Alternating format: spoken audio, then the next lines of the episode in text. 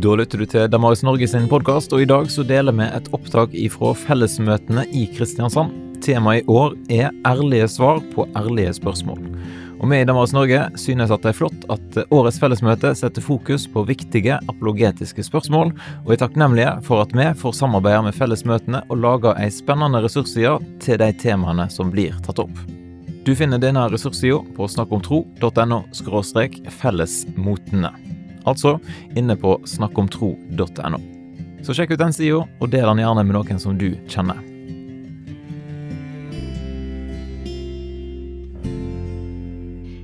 Kjære alle sammen, så fint å se dere.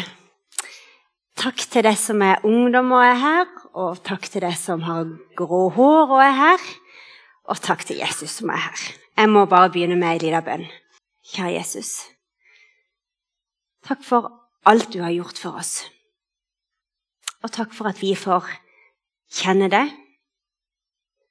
Takk for at du har sagt at du er hele verdens lys. Amen. Hvis jeg kremter litt innimellom, så er det bare fordi jeg lå med influensa forrige uke, sånn som de fleste andre, tror jeg.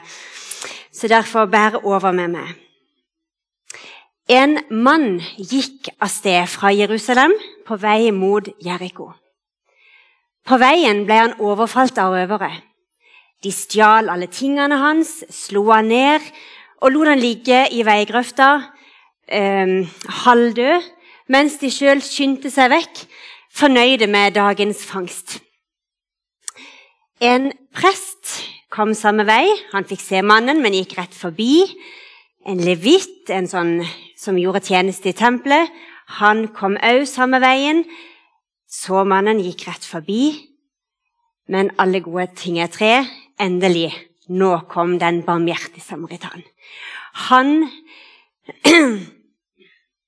eh, Han er helten i denne historien. Eh, han er selve urbildet på en, eh, en god og snill hjelper. Um, han stoppa og gjorde det som gjøres måtte. Det er Jesus som forteller denne kjente fortellingen. Og hvis budskapet bare handla om eh, nestekjærlighet, så kunne jo den barmhjertige samaritanen vært hvem som helst. Men det var han ikke. Han var en samaritaner. Og eh, han var en tvilsom type. En person med feil religion. Jøder og samaritanere på den tida de eh, hadde minst mulig med hverandre å gjøre. Og 20 år drøyt før Jesus fortalte denne historien, så hadde noen samaritanere klart å snike seg inn i det store, fine tempelet i Jerusalem. De hadde med seg menneskeknokler og slengte de rundt så mye de kunne få til, bare for å gjøre tempelet ureint. Det var omtrent som om noen hadde gått inn i Nidarosdomen, tagga hakekors og så gått på do der inne, gjort hva de kunne for å bare vise så tydelig de kunne hvor mye de forakta hele bygningen og alt det den representerte. Sånn var det disse samaritanerne gjorde. Og så gjør Jesus en samaritaner til helten i sin fortelling. Det er som om Jesus sier til oss Husk at du og din gruppe der kan svikte og gjøre feil. Og husk at han eller hun som har helt feil religion, plutselig så kan de bli forbilder for dere. Alle mennesker, uansett hvilken religion eller hvilket livssyn de tilhører, er skapt av Gud, skapt i Guds bilde. Gud har lagt gode ting ned i hvert menneske, og han elsker dem. Så Målet med denne talen er egentlig ikke at vi etterpå skal sitte komfortabelt i stolene her i Q42 eller hjemme i sofaen for dere som er der, og tenke åh, kjære Gud, takk for at vi er bedre enn alle andre. Det er ikke det som er målet for talen. En kristendom som ser ned på andre, er ikke sann. Og jeg tror ikke den får, gjør at folk får lyst til å liksom utforske troen mer. Um, og faktisk har jeg strevd litt med å liksom skrive dette her, for jeg har så utrolig lyst til å male et bilde av Jesus som virkelig skinner. Jeg har så lyst til å få fram hvor fantastisk Gud er. Det er så mye i den kristne historien og i den kristne troen og i Bibelen som jeg er så stolt av, og som jeg har lyst til å bare dele med alle. Og Samtidig så har jeg lyst til å gjøre det på en måte som ikke tråkker på mennesker, og det som er viktig for dem. Det er liksom ikke sånn at vi skal si 'yes, vi vant diskusjonen'. Jeg skal heller tenke det fins noen brønner som er sprukne og ikke holder vann. Det fins noen steder der man ikke finner det man trenger. Og så fins det oi, så fins det et sted Det fins en person, det fins en Gud som har det vi trenger, og det er Jesus. Så målet i dag må jo være å vise vei til han. En av grunnene til at jeg syns at det, Forresten, det var en sånn powerpoint. Um, er det noen som har fått tak i den, eller så funker det uten òg, altså? Ja, vi får se om det kommer opp etterpå, etter hvert. Det er ikke så veldig nøye.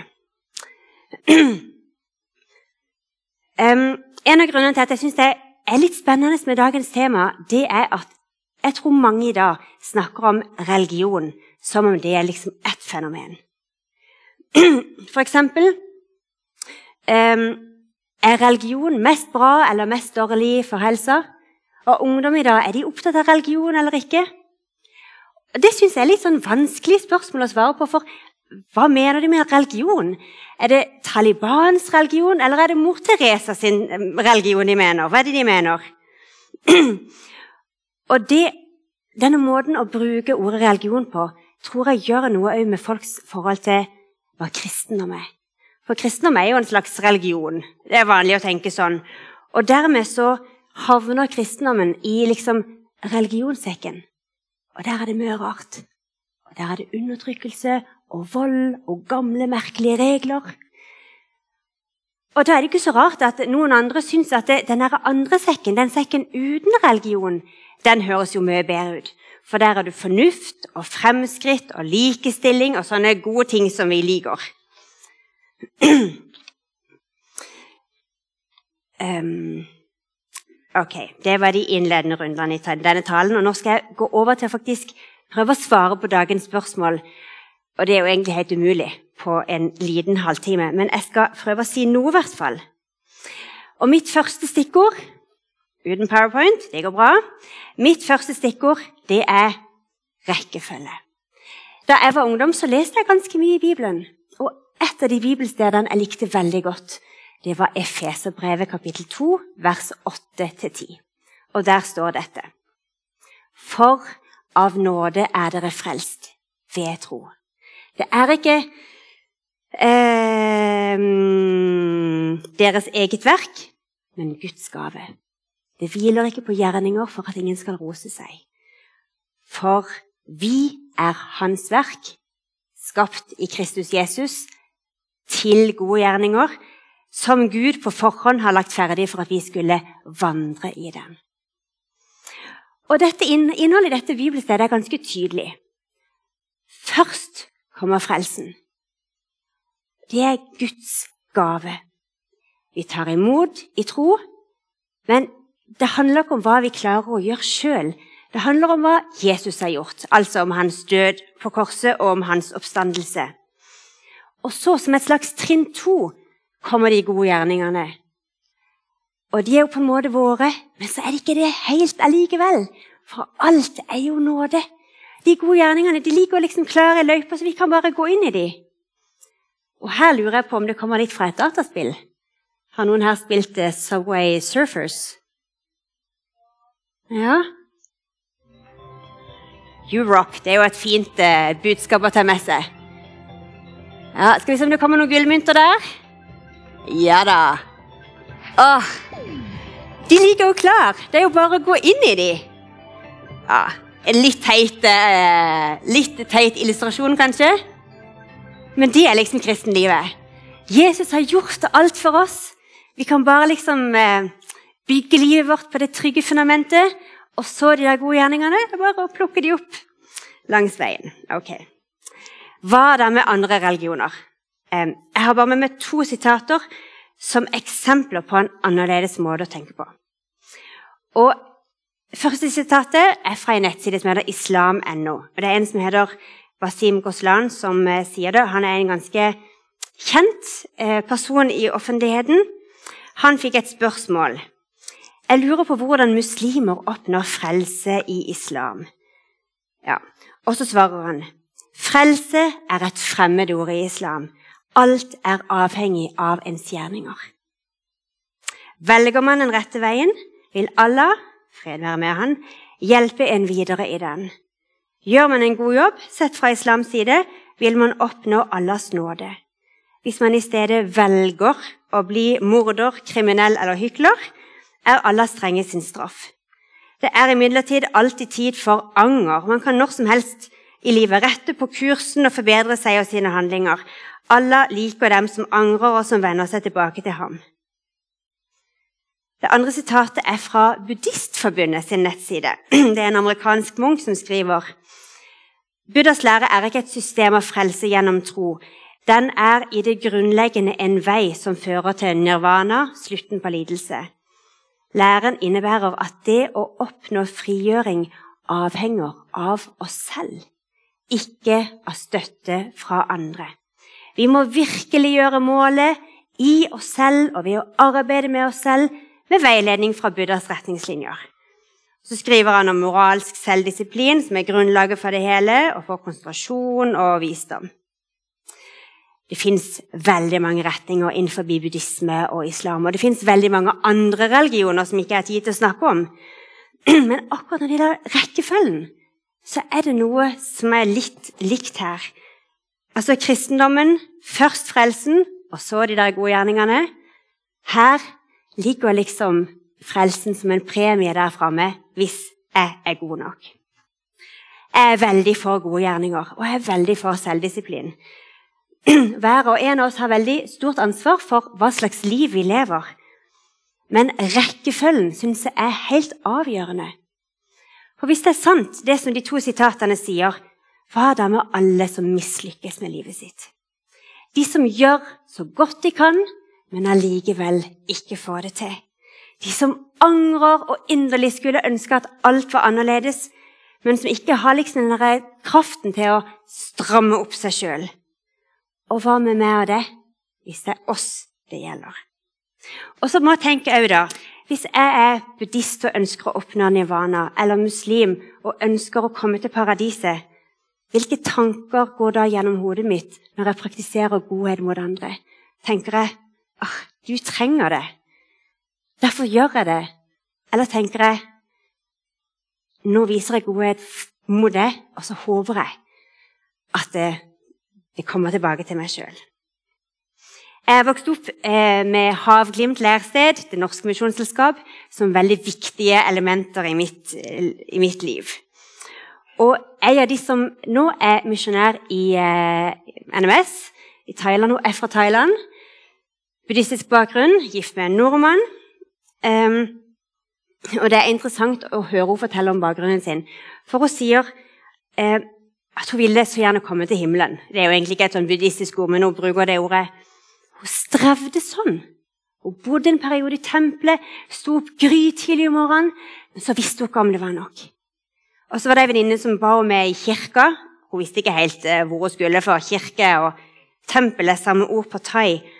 Men så kom hun der, og så ble hun så berørt av fellesskapet og sangene. Og så var det noen som leste Johannes 3, 16. Um, Hver den som tror på Han, skal ikke gå fortapt, men ha evig liv. Så var det som om ting bare falt på plass. Hun fant denne tryggheten og gleden som hun hadde lengta sånn etter. Ok. Mitt neste stikkord, det er grenseløs kjær nestekjærlighet.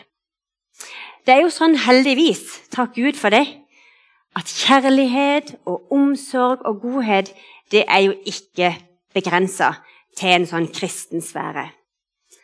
Mødre rundt og forbi i verden de tror på mange forskjellige ting. Og når det er kveld, så tar de badet sitt i armene og buker det i søvn.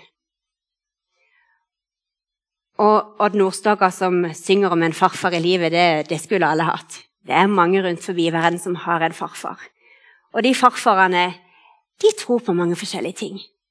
Før de går inn i garasjen med barnebarna og er en god voksen person for dem. Så var det han samaritanen vet du, som hadde feil religion, og som var veldig bra likevel. Um, likevel så er det jo ikke sånn at det ikke er noen sammenheng mellom innholdet i det en tror på, og måten en på en måte lever livet sitt. og I dette punktet så skal jeg ikke snakke om liksom å være god med sine nærmeste og de en har rundt seg. Jeg skal snakke om noe som er litt det samme og litt annerledes. Jeg skal snakke om den indre kraftige driven som mange har hatt opp igjennom. Det er en sånn drive til å forlate et trygt og komfortabelt liv, og så aktivt oppsøke de som trenger hjelp. Om de så bor på andre sida av kloden, om en så må eh, utsette seg for risiko, lære et nytt språk En må bare få ut denne godheten. Vi er jo på Sørlandet, og jeg måtte tenke på eh, Marie Føreid. Ikke sikkert alle her husker Marie Føreid. Hun levde jo på 1800-tallet. Men hun var altså ei bondejente ifra Søgne. og hun fant ut at hun skulle dra til Madagaskar og pleie de spedalske. Så det gjorde hun da. Og hvor kom denne ideen fra? At Marie fra Søgne skulle dra til de spedalske på Madagaskar? Den ideen kom fra Jesus. Fra det som på fint heter inkarnasjonen. At Gud ble menneske, kom til vår jord, gikk rundt forbi i landsbyene og viste inderlig medfølelse, reiste opp den som hadde falt, helbreda syke. Kvelden før han eh, døde på korset, så bøyde han seg ned, tok et håndkle og vaska disiplenes føtter. Marie kjente Jesus. Allerede da hun ble konfirmert i Søgne, da hun var tenåring, så avla hun et hemmelig løfte. Jeg tror ikke noen andre enn hun sjøl og Gud visste om det. Og det var Kjære Gud, jeg skal tjene deg alene. Og det der lille løftet hadde hun inni seg mens hun gjorde litt andre ting. Det var litt hushjelp her og der og sånn. Og så da hun var, var gammel nok, så gjorde hun det. Reise til Madagaskar. Krangla med franske kolonimakter som syntes at det hun drev på med, var en dårlig idé. Sto på. Mye motgang. Rike frukter. En helt fascinerende og ganske vanlig faktisk historie. For 2000 år siden så begynte det en stille og langsom revolusjon av verdensverdier.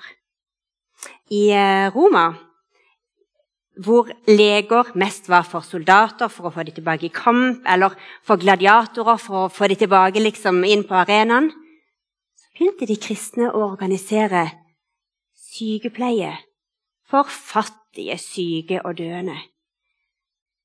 Ikke for uh, noe annet enn at de var jo syke, de måtte jo ha hjelp. Utover i middelalderen så ble sykestua like selvfølgelig på alle klostre, eller de fleste i hvert fall, som klosterkirka og skrivestua. Og sånn gikk det nå opp igjennom. Her kan en jo nevne så mye at jeg Ja.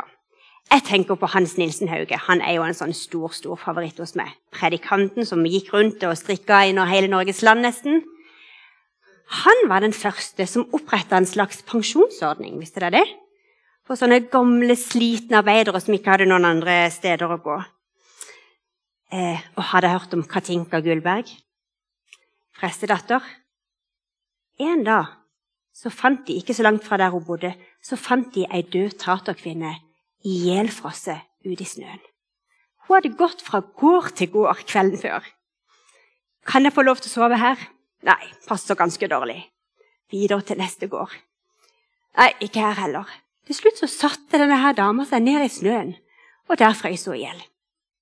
Og neste morgen så fant de henne, og Katinka på, på prestegården. Hun ble så opprørt at hun dro ned til Tyskland, lærte seg sykepleie og ble sykepleiens mor i Norge. Bra dame. Men veldig, veldig trist start på den historien. Ja. Og Norge og mange andre land ble jo sånne storeksportører etter hvert av misjonærer til Afrika og Asia. Og denne misjonshistorien det er ikke en uh, fullkommen, kanskje rett fram historie. Men Marie fra Søgne, som dro til de spedalske på uh, Madagaskar, hun, um, hun er egentlig ganske typisk. For misjonærene var ofte opptatt av å bygge gode samfunn der svake grupper ble løfta opp og fikk verdighet og mulighet til å skape seg et godt liv.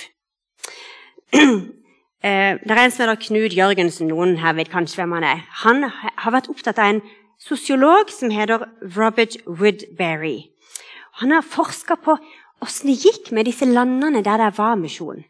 Og han har, han har forska på protestantisk misjon, så åssen det er med katolsk og sånn, det, det, har han ikke skrevet noe om. Men i de landene han har sett på, da, så finner han at det der er det, og her kommer lista. De er mer økonomisk utvikla, der er bedre helse, lavere barnedødelighet, mindre korrupsjon, større leseferdighet, høyere utdanning, særlig for kvinner, og det er flere som er med i organisasjoner. Altså det er et sterkere sivilsamfunn. I vår tid er det en del unge kristne i Norge som har engasjert seg veldig sterkt i kampen mot moderne slaveri. Eh, jeg lurte litt på om jeg skulle ta med Jeg har sånn et blått omslagsskjørt som jeg liker ganske godt. Men det ble ikke det i dag. Det er altså noen jenter som har gått på hall i Mandal. De har starta fabrikk, eller ei lita systue i hvert fall, i Uganda. Så er det Chosen, det er jo en gjeng fra Kristiansand som har starta som protest mot de der forferdelige arbeidsvilkårene i tekstilindustrien. Og på Vinter i P2 er jeg jo sånn, jeg er jo 45 år, så nå hører jeg veldig mye på P2. Eh, Vinter i P2, fantastisk. Sigmund Hegstad var der, snakka i en hel time. Bl.a. om denne klesfabrikken han starta i Kina. Han visste ingenting om det, men han visste bare at noen måtte gjøre det. For mennesker lider så mye. Ja. Det er lett å finne eksempler på folk som ikke har gjort de gode tingene. Eller som har gjort de feil, eller som har gjort altfor lite. Og vi kan jo tenke på våre egne liv. Hva vi gjør, og hva vi prioriterer.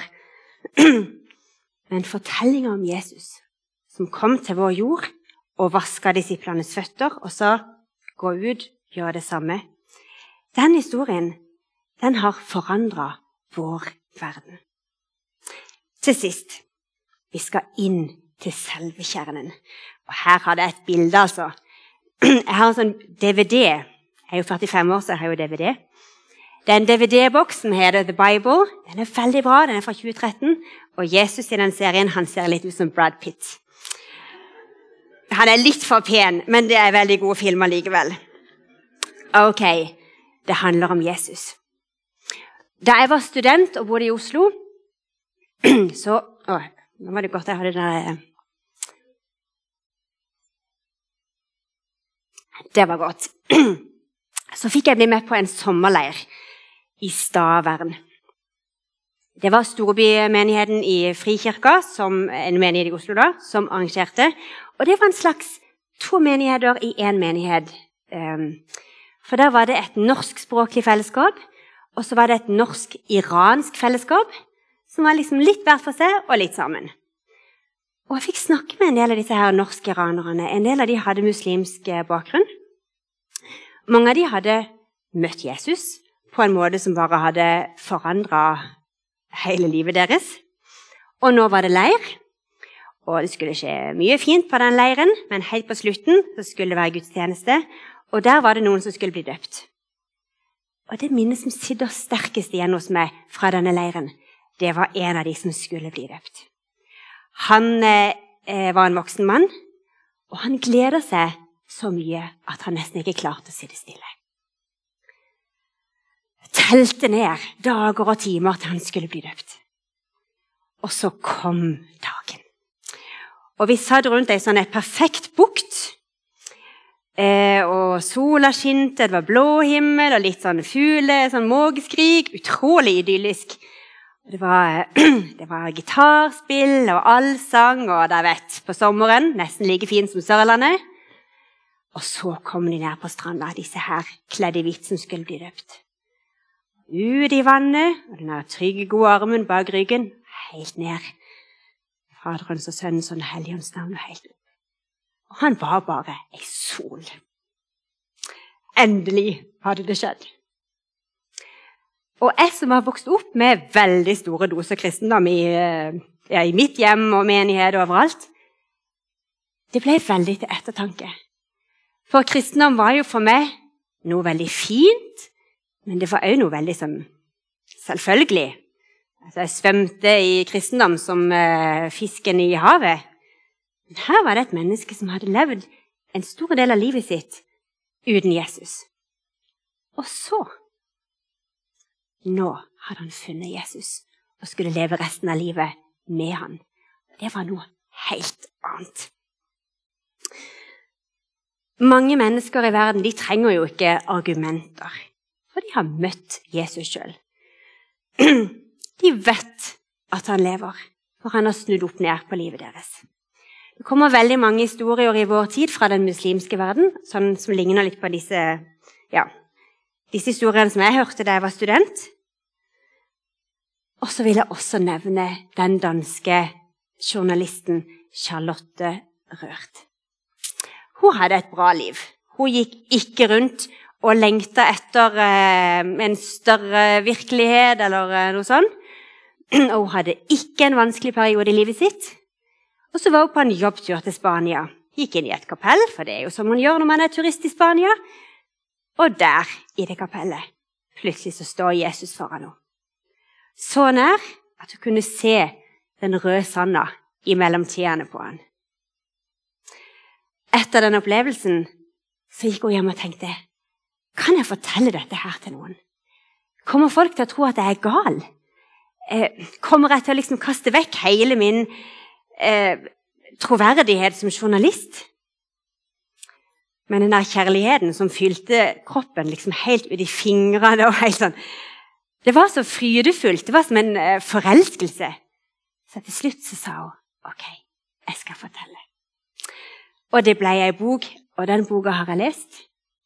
Og det å lese når hun forteller om Jesus Hun er jo ikke, liksom, hun er ikke vokst opp med Jesus sånn som jeg er. Hun forteller liksom mer sånn ut fra sin, sitt eget konkrete møte og sånn. Og når jeg leser det og skriver, så tenker jeg han, han kjenner jeg. Den Jesus, det er han jeg har levd med hele mitt liv. Det er han jeg har levd med. Nei, det hadde jeg lest om i Bibelen. Man trenger ikke være kristen for å være positiv til Jesus. Til og med i Koranen står han jo nevnt mange ganger. Men kristendom er jo noe annet enn å være positiv til Jesus. Det er jo liksom å rette blikket og livet sitt mot han og tenke Da Jesus kom til jord, så var det Gud som gjesta sitt folk. Det er et uttrykk fra Bibelen som jeg liker veldig godt. Gud kom. Han gjesta, gjesta sitt folk for å hente oss hjem det er han som har skapt oss, og som elsker oss, uansett hvor i verden vi er fra. Historien om Jesus, eller historien om kristendommen som vi snakker om i dag, den starta med elleve menn som sto og stirra opp mot himmelen. Og kanskje, kanskje, det siste de så av Jesus, var føttene hans, som forsvant bak ei sky. Jeg vet ikke. De hadde ingen politisk makt. Og de hadde i hvert fall ingen våpen. De hadde bare seg sjøl, og etter hvert Den hellige ånd. Det var en veldig, veldig skral begynnelse. Ja, Den hellige ånd er ikke så skral, da, men sånn ytre sett, i hvert fall. Så begynte de å fortelle. Og det var ikke så populært alle plasser. De ble piska på torvet og kasta i fengsel. De ble henretta med sverd eller hengt opp som levende fakler i haveselskap. Eller korsfesta, sånn som Jesus hadde blitt. allikevel så spredte evangeliet seg som ild i tørt gress. Og det var et, det var et under. Noen år hundre seinere så skulle islam spre seg minst like fort. Men det var ikke på den samme måten. Det var ikke uten sverd. Og så vandra dette ordet om Jesus det vandra gjennom verden. Og tenk helt til slutt så kom det fram til meg. Tenk på det. Alt det der fine som jeg har snakka om, alt det fine som har kommet fram i sanger og alt, det får jeg lov til å ha en del av. Og menneskene i verden de leter etter det de trenger mange steder. Men det er mange brønner som er sprukne, og som ikke gir dem det de trenger. Men jeg har funnet det levende vannet. Jeg er trygg. Jeg er elska. Jeg har håp. Og jeg har så lyst til å dele det med hele verden. Noen her kjenner kanskje Kristina Grundekjern, som òg er prest, og som òg er litt sånn lav og blond og veldig fin. Jeg får låne hos sine ord der til slutt.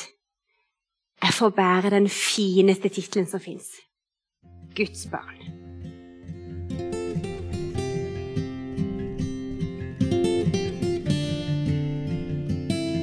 Takk for at du lytta til denne episoden her på Damaris Norge sin podkast. Ønsker du å jobbe mer med spørsmålene som blir tatt opp på fellesmøtene, ja, da kan du sjekke ut snakkomtro.no fellesmotene. Der finner du mange ressurser til hvert enkelt tema i ulike format, som podkast, bøker, videoer og artikler. Her kan du få repetert noe av det du har hørt, eller du kan dykke enda dypere ned i disse spørsmålene.